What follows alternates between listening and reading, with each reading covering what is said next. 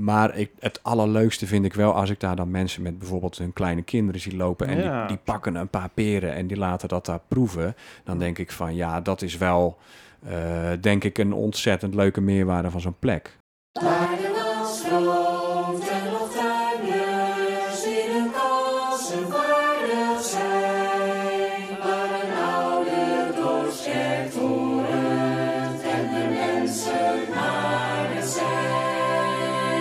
Hartelijk welkom bij de podcast van het Historisch Genootschap, waarin we elke keer een onderwerp behandelen waarvan we denken dat het de moeite waard is. Eh, het onderwerp van vandaag is, ja, eigenlijk een heel bijzonder onderwerp. We gaan het namelijk hebben over het perenlaantje. We gaan het hebben over fruit en dat doen we met iemand die er ongelooflijk veel van af weet. Zou je jezelf eh, willen voorstellen alsjeblieft? Ja, dat wil ik zeker, dankjewel. Ik ben Wouter den Boer. Ik woon in Breda met mijn gezin. Opgegroeid in de Alblasserwaard. En ehm, na een opleiding eh, eh, tot boswachter ben ik op een of andere manier bij een oude fruitbomensnoeier terechtgekomen. Dat hoogstamfruit heeft mij toen gegrepen. Eh, ik wilde daar meteen eigenlijk alles over weten. En nou ja, dus ik ben daar inmiddels nu zo'n 25 jaar mee bezig. Ik zie, of ik zag in jouw omschrijving het woordje fruitboom-expert. Ja, En toen ik vroeger een beroepkeuzetest invulde, nou brandweerman ja. ja. of eh, piloot, fruitboom-expert stond daar niet bij. Nee. Wat, wat, doen een hoe- wat is dat? Wat doe je? Ja, dat is ook wel grappig. Ik, heb me, ik, ik, ben, ehm, ik ben niet gewoon om mezelf fruitboom-expert te noemen. Maar als jij zou vragen aan mij, omschrijf eens met één of twee woorden wat je doet, dan is dat denk ik wel, komt dat denk ik wel het best in de buurt. Eh, maar expert noem, noem ik mezelf niet graag. Eh, dat laat, laat ik liever aan anderen over. Dus, eh, maar ja, wat je doet is eigenlijk ja, in, in de hele breedte mij bezighouden met fruitbomen. En dat betekent het aanplanten van soms één fruitboompje in een particuliere tuin. Of soms hele boomgaarden met 120, 150 bomen. op allerlei plekken. En ook bomen snoeien, dus bomen onderhouden. En ook dat varieert van jong tot oud. Dus bomen van 150 jaar opknappen eh, en weer eh, vitaal maken. Of een jong boompje opkweken tot een groot boompje. Mhm. Je kan het eigenlijk zo gek niet bedenken. En daarnaast, en dat heeft denk ik ook een beetje mee te maken als je iets lang doet, eh, komt daar ook steeds meer een beetje de, de diepte bij. Dus het zoeken naar grappige fruitrassen, het vertellen van leuke verhalen, lezingen geven. Dus ja, het is nu eigenlijk in de breedste zin des woord. Maar alles je bent, dus toch, te je maken bent dus toch eigenlijk wel een expert. Nu is deze podcast een serie die, die maken we voor het Historisch Genootschap. Ja. En jij bent betrokken bij het perenlaantje. Mijn eerste vraag is, waarom heet het het perenlaantje? Het is eigenlijk niets anders dan een laan van ongeveer een 5,500 meter. eh, waar langs een pad aan weerszijden perenstruiken, zou je ze kunnen noemen, staan. Ehm, en omdat je ja, daar eigenlijk in een soort tunnel van fruitbomen loopt, is het een laantje. Maar is dat de officiële benaming? Heeft het altijd zo geheten? Of is het een soort naam die ambachters zelf eraan gegeven hebben? Ik denk dat laatste. Een bijnaam eigenlijk. Ja, Het ik denk dat laatste, want eh, er was een laan met perenbogen. Mhm. Ehm, en eh, tegenwoordig hangt daar een bordje aan de Veerse dijk of aan de onderdijk met perenlaantje. ja. Maar ik denk niet dat dat, eh, dat, eh, dat dat een laantje was en dat daar later peren bij zijn geplant. Nee, Nee, ik denk nee. inderdaad dat het de ambachters eh, is, zijn geweest. Nou, mooie, mooie naam. want Het dekt de lading natuurlijk perfect. Zeker. Weet je iets over de historie van dat laantje? Je bent op een gegeven moment ben jij erbij betrokken geraakt. Ja. Ik heb gelezen dat het daarvoor in verval was. Hè, dus er is Ja. lange tijd is niks mee gedaan. ja. Wat weet jij van de geschiedenis van dat perenlaantje? Ik weet dat het ergens omstreeks 1920 is aangelegd door een meneer Speelman. En eh, hij was fruitteler. En hij had daar, ehm, ik weet niet of dat, dat je dat weet, maar het, de ruimte om het perenlaantje is nog enige tijd een golfbaan geweest. Ehm, Oh. Er heeft ook nog een asielzoekerscentrum gestaan. Dat weet ik. Ja, dat precies. Weet ik, ja. Dus als ik het over de Perenlaantje en de omgeving heb, dan heb ik het al vrij snel ook over de, golf, de voormalige golfbaan. Ja. Maar eigenlijk is dat, eh, dat was zo'n 12 tot 15 hectare. Daar had die beste meneer Speelman allerlei vormen van fruitteelt. Ouderwetse hoogst. Want dat was zijn werk. Daar, daar leefde Hij hij was van. fruitteler, ja. Ja? ja. En Hij daar, was, eh, daar stonden hoogstambomen. Dat zijn eigenlijk fruitbomen zoals we die eh, halverwege de vorige eeuw aanplanten, zodat er nog vee onder kon grazen. Dus de takken begonnen dan op hoogte waar het vee niet bij kon. En daarboven groeide de krui met het fruit. Nou, serieus, joh, waren de bomen die geselecteerd waren om te zorgen dat er vee onder Nou en of. Nou, bizar. Want gras en vee was veel belangrijker dan fruit in eerste instantie. Fruit was eigenlijk een bijvangst. Eh, en, en nog merk je dat als je met boeren praat, als ze een weiland hebben en je zegt, zullen we daar wat hoogstamfruitbomen neerzetten? Zeggen ze, je gaat toch geen bomen in grasland planten? Gras is belangrijk. Gras en weiland is belangrijk. Maar boeren die eh, wat verder keken dan dat, die gingen dus hoogstamfruitbomen planten. Maar dat fruit was eigenlijk maar een nevenactiviteit. En ergens ehm 1900 is die fruitteelt veel belangrijker gaan worden. Er kwam handel op gang met buitenland. Mhm. Eh, de kwaliteit van fruit ging veel belangrijker worden. De burgerij kon fruit gaan betalen. En toen zijn ze eigenlijk allerlei intensievere vormen van fruitteelt gaan plegen. Eh, maar wat ik begrijp, alleen daar is eh, weinig of geen materiaal van.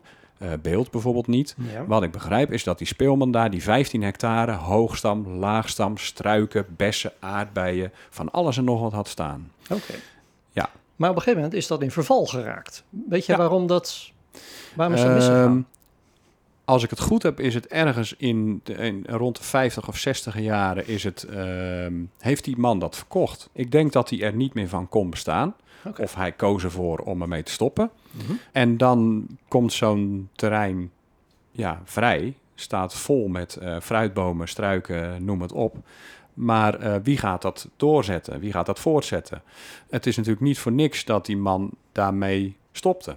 Maar hij was, Want- eigenaar, hij was eigenaar van de grond, neem ik aan. Hij was eigenaar van de grond en ik weet ook niet precies naar wie die grond toegegaan is. Nee.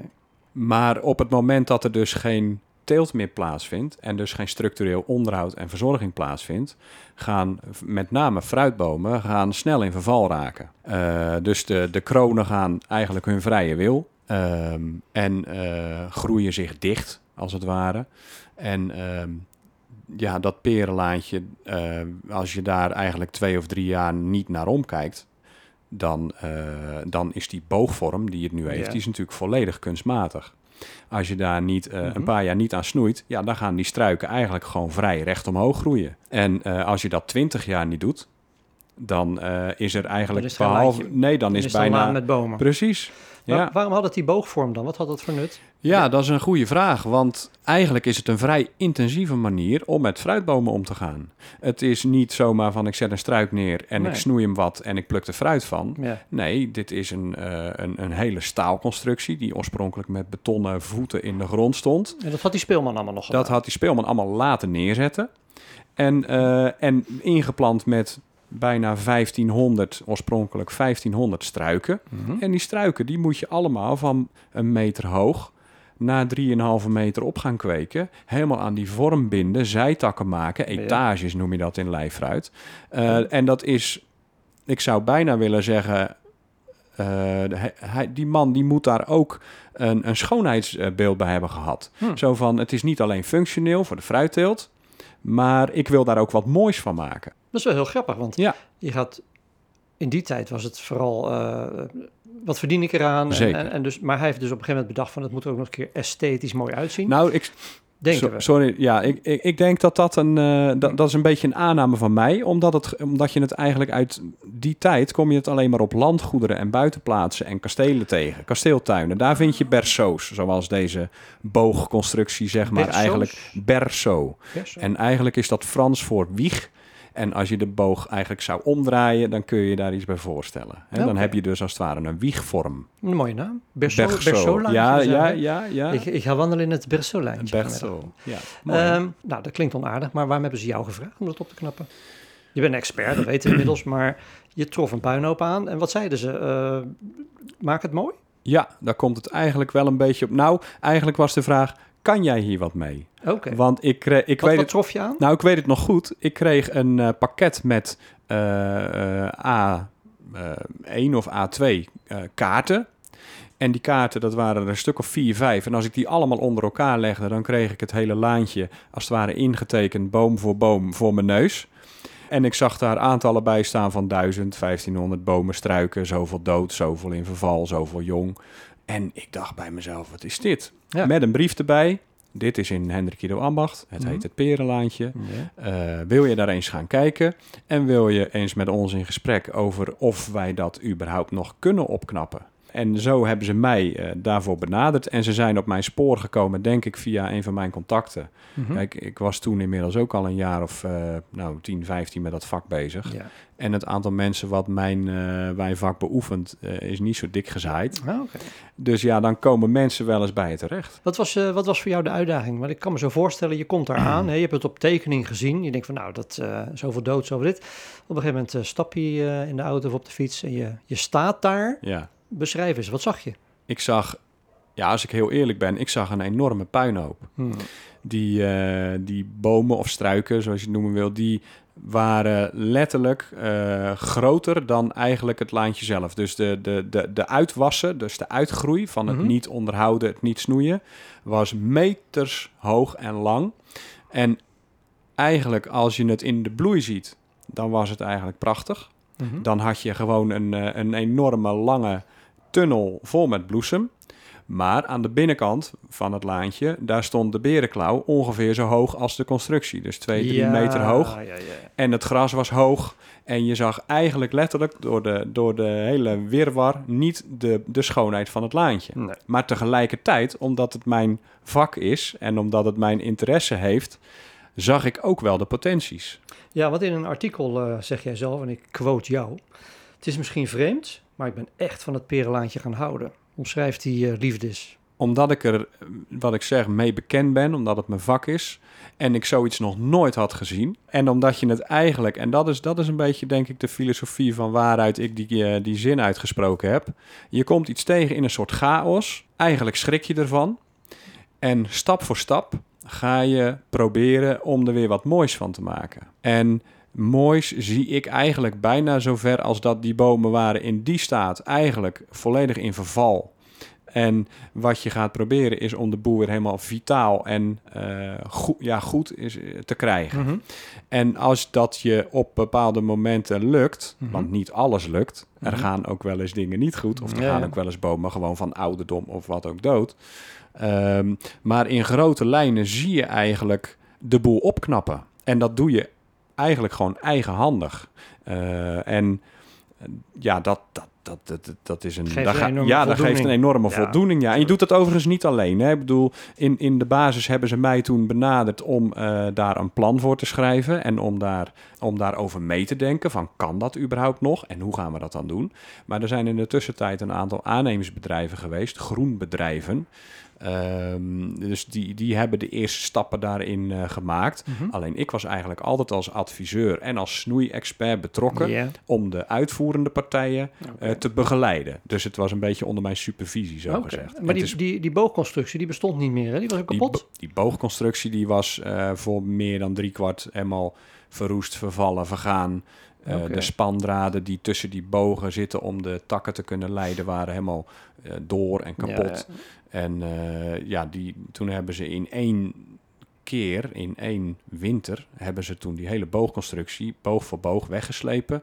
De boeren uitgegraven en nieuwe bogen teruggezet. Want ze konden niet in één keer alles weghalen, want dan zou de boel misschien in elkaar eh, klappen. Eh, want die perenbomen hebben ook echt steun aan die boog. Die Ja. kunnen eigenlijk zonder zo'n boog niet staan. Dus dat had elkaar allemaal nodig. Dus dat was best wel spannend. Want Mhm. eigenlijk kon ik op voorhand ook niet voorspellen of het niet Om eh, zou vallen. Of het niet goed zou, of het wel goed zou komen. Ja. Ja. Vanuit eh, historisch perspectief. Ja. Is er ergens gesproken over dat het in oude glorie moest worden hersteld? Of kon je daar ook een, een, eh, een andere draai aan geven? Of was het echt wat het idee dat er weer uit ging zien zoals het ooit was? Ik kan me niet herinneren dat, er, eh, dat dat soort dingen is uitgesproken door de gemeente. Het, was wel, het zou weer een perenlaantje moeten worden. En die Ja. boogconstructie, dat was eigenlijk een, een vast punt. Ja. Ja, ja. Ja, dus het is maar- Nooit, ja. Het is nooit bedacht dat het opeens heel iets anders zou moeten worden. Nee. Nee, er zou een woonwijk worden ontwikkeld. Ja. Eh, de Volgelanden De Volgelanden, X. Ja. En dat laantje, dat zou daarin blijven, een, een functie blijven houden, of een plek blijven houden. Dat laantje zou worden gespaard. Maar ik denk dat de mensen van de gemeente die op dat moment eh, met, met dat plan bezig waren, eigenlijk ook helemaal niet zo'n vastomlijnd beeld hadden hoe het eruit moest komen te zien. Hm. Ze waren daar eigenlijk, eh, keken ze daarbij min of meer naar mij, van eh, jij zou wel weten hoe het er in vitale en gezonde Ja, ja. toestand uit moet zien. Ja. En ik moet zeggen dat mede ook door de foto's van het historisch die het historisch genootschap heeft, hele oude zwart-wit foto's, toen ging bij mij wel een enorm grote licht schijnen Mhm. van wacht eens even. Eh, wat ik daar namelijk aan kon zien was dat het eh, fruit weliswaar aan die leiconstructie was gebogen en werd aangebonden. Alleen dat het wat betreft de zijtakken die weer aan die struiken groeien, was het niet zo extreem vast. En ik heb eh, vrij veel met dat klassieke lijfruit, tot dan toe vrij veel Ja. met klassiek lijfruit te maken gehad. En klassiek lijfruit, daar kun je een lineaaltje langs leggen. Dat komt heel erg op symmetrie, op balans, op gelijke Mhm. groeisterkte aan. En met, als je met dat oog het perenlaantje zou moeten onderhouden, dan zou je er misschien nog wel tien keer zoveel tijd in moeten stoppen. Mhm. Maar het is historisch gezien ook niet correct. Nee. En het leuke is dat je dan door zo'n foto Ja, ineens denkt: ja, maar wacht even. dat deden ze zo. We moeten die Ja, kant op. ja. Dus het heeft mij ook veel meer leidraad gegeven om er verder mee door te gaan. Letterlijk eigenlijk. Letterlijk, ja. Maar dat betekent dat als ik nu een bezoek zou brengen aan het Perenlaantje, dat ik eigenlijk ook een beetje een wandelingetje in het verleden maak. Dat vind ik zeker. Waarom zouden mensen daar naartoe moeten gaan en waar, hoe komen ze daar? Eh, nou, ik, we- de meeste mensen die in Ambacht wonen, die eh, kennen vast de Vrouw Gele Weg. En vanaf de Vrouw Gele Weg heb je een wandelbruggetje eh, met een doorsteekje naar het Peerlaantje. Het Mhm. Peerlaantje begint daar ongeveer een 100 meter van de Vrouw Gele Weg af. En je hebt via de Van Akenwijk, burgemeester van Akenwijk, eh, heb je ook een ingang met een klaphek waar je doorheen kan. eh, en dan kom je ook bij het Peerlaantje terecht. Oké. Als ik nu een, eh, vandaag een, een mandje meeneem en ik ga wandelen, kan ik daar een mandje peren plukken? Vandaag lukt dat niet meer, want de peren zijn er nu zo ongeveer allemaal af. Oké, voor de zekerheid, we zitten nu in 1 oktober. 1 oktober, ja. Ja, Wanneer zou het wel kunnen? Want is, wat is een, dat is altijd een mooie tijd om daar rond te lopen. Het is- Maar wa- wanneer zou je zeggen van ga vooral eens even kijken daar? Eh, ja, voor mij heeft het perenlaantje in al zijn seizoenen de cha- zijn charmes, of haar charmes. Ehm, de bloeitijd is prachtig. Dan zitten we ergens eh, half tot eind april. Hm. Is het eh, dat, dat de meeste perenstruiken bloeien. Ehm, ik vind het begin van de zomer, het late voorjaar, ook heel mooi. Omdat je dan en het frisse blad en de al groeiende peertjes in de bomen hebt hangen. Dat klinkt ook En- heel lief. Groeien, ja, dat- lieve kleine Ja, groeiende ja, peertjes. Ja, en dat is Hm. echt, ook het licht is dan op die plek fantastisch. En op het moment dat je later in de zomer komt, eh, dan, eh, dan begint het fruit echt te groeien. Eh, maar dan heb je ook periodes met droogte en eh, het, er zijn diertjes die aan het blad eten en het fruit wordt soms door vogels aangepikt. Dus je, de- maar dat heeft ook zo zijn waarde. Eh, en als je wil weten wanneer het fruit rijpt, dan zit je ergens tussen september en begin oktober. Dus eigenlijk is september de maand dat daar de meeste vruchten rijpen. Want het zijn ook niet allemaal dezelfde. Het zijn verschillende rassen en die hebben verschillende gebruik- en, en rijptijden. Als ik daar ben Ja. en ik wil meer daarvan weten, staat er ergens een informatiebord of eh zul je 06-nummer maar gelijk geven? Ehm, nou, je kunt googlen op het perenlaantje, dan kom je sowieso al wel op hele interessante nou, dat dingen is terecht. alvast eh, een hele goeie, ja. En eh, ja, er, er is van alles over geschreven en, eh, en, en verschenen. Eh, maar er staan aan weerszijden informatieborden. En ik ben die bezig opnieuw in te vullen. Dus er was een invulling met een aan- aantal A4'tjes. Met wat over historie en wat over de, de wanneer pluk je dat nou. Ja. Hè? En, eh, En ik dat heb- mag, hè? Ik mag plukken, begrijp ja hoor, je mag plukken. Ja, ik zie daar ook wel eens mensen met complete fietstassen vandaan gaan. Ja, dan denk ik, ja, als je dat eind augustus doet, dan ben je en te vroeg. En eh, hoeveel van die peren ga je gebruiken? Ja, Nou, mhm. noem het hebberig. Maar ik, het allerleukste vind ik wel als ik daar dan mensen met bijvoorbeeld hun kleine kinderen zie lopen. En Ja. die, die pakken een paar peren en die laten dat daar proeven. Dan denk ik van ja, dat is wel, eh, denk ik, een ontzettend leuke meerwaarde van zo'n plek. Is het uniek? Zijn er meer plekken waar je dit zo kunt doen, dat je weet in Nederland? In. Nederland zijn die van deze omvang er zeker niet. Dus Ambacht En- heeft eigenlijk een hele unieke locatie waar dit... eh, Ik vind het een parel en ik schrijf ook, eh, of ik heb ook wel eens gezegd in zo'n artikel dat het, eh, wat mij betreft, het mooiste stukje ambacht is. ja, ja, ja. Nu sprak ik pas, pas met iemand over de Sofiapol, die zei precies hetzelfde. Tuurlijk. Maar Ja, snap ik. ja, dus maar het maakt niet uit. Eh, Het feit is dat er in Ambacht gewoon meerdere plekken zijn die ontzettend de moeite waard zijn om, om te bezoeken. Wat wordt er met die peren gedaan verder? Want niet, hij wordt niet helemaal kaal geplukt. Nee, Valt het uiteindelijk op de grond en is Ja. het een circle of life? ja, ja, zo kun je dat wel zien. We hebben in de, helemaal in de beginfase dat het opgeknapt werd... een aantal keren een plukdag georganiseerd, de perenpluk. Ehm, alleen wat het lastig maakt is die peren rijpen nooit elk jaar op hetzelfde moment. En je moet bij zo'n plukdag dan een keer een moment kiezen. En dan moet je best wel wat voor optuigen als je er dan ook nog een ambtenaar wil hebben die komt spreken. Eh, je moet aan veiligheid denken. Mensen gaan Oh, toch ja, met ja. keukentrapjes komen. Oh ja. Ehm, het fruit is lang niet allemaal van houdbaar, eh, is niet allemaal houdbaar. Dus je kunt het dan naar de Blije Borg sturen als we gedaan hebben. Maar als de boel dan na drie dagen rot, dan zitten ze met, eh ja, met gebakken peren peren. waar ze... Precies. Dus ik vind eigenlijk de charmantste oplossing nog steeds gewoon dat mensen daar gewoon eh, komen wandelen en een peer meenemen. ja. En wat er aangetast is, dat is voor de vogels en de insecten.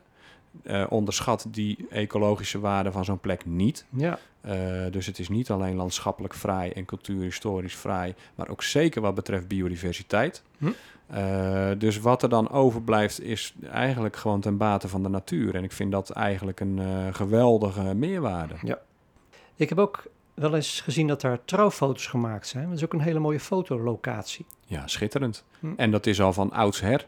Want ik weet van, eh, van, van verhalen van de kinderen van meneer Speelman... die ooit nog eens daar zijn geweest. Daar heb ik toen kort Ah. mee gesproken. Ja. twee dochters, als ik het goed heb. En die vertelden dat daar van oudsher al eh, kinderen die dan, of jongeren die dan verkering met elkaar kregen, die gingen dan naar het perenlaantje Ah, om daar stiekem elkaar te ontmoeten. Oh. En eh, dat van dat daar ontmoeten, daar lopen, daar foto's maken, dat is dus volgens die mensen van, van eigenlijk alle tijden. Lachen. Ja, en ze noemden dat dan onder de bogen, onder de perenbogen. Ja. Maar die kinderen van die speelman, die hebben daar vroeger leren fietsen en zo. Ja, dat zijn natuurlijk waanzinnige verhalen. Dus die dochters die eh, waren hier van die, de bedenker, Ja. die meneer Speelman. De dochters zijn hier geweest. Die zijn hier ooit geweest, ja. Ja Hadden die nog eh, meer leuke feitjes over vroeger, behalve dan dat je ehm, daar je verpering kreeg? eh? Je verkering. Ja. Eh, nou ja, wat ik zeg, die zijn daar letterlijk opgegroeid. Die leerden daar fietsen. Ja. En die, ja, die, die, die, die waren eigenlijk... Ze woonden daar, voor zover ik weet, woonden ze daar ook vlakbij. Ik weet niet meer of dat aan de Van Akenwijk of aan de Ja. Vrouwgelenweg geweest is of elders. En eh, die, die, ja, voor hun was dat gewoon hun achtertuin. Moet je dat even indenken. Ja, ja, dat, ja. Je, dat je... Ja, dat is voor mij eh, geweldig. En, en wij mogen daar zomaar rondlopen in het prachtige ambacht in het mooie perenlaantje. Ja. Uniek. Wouter de Boer, ik wil je heel hartelijk bedanken voor je expertise, je enthousiasme. Eh, De luisteraars hebben het niet gezien, maar hij heeft ook allerlei linders uitgebeeld en dat soort dingen. Dus eh, het, het is heel erg de moeite waard. En nou, we kunnen daar nog uren over kletsen. Maar het advies zou zijn, ga. ja, ga daar zeker eens een keer kijken. Nou, oké. Wouter, dankjewel. Heel graag gedaan. Vond het een heel leuk gesprek.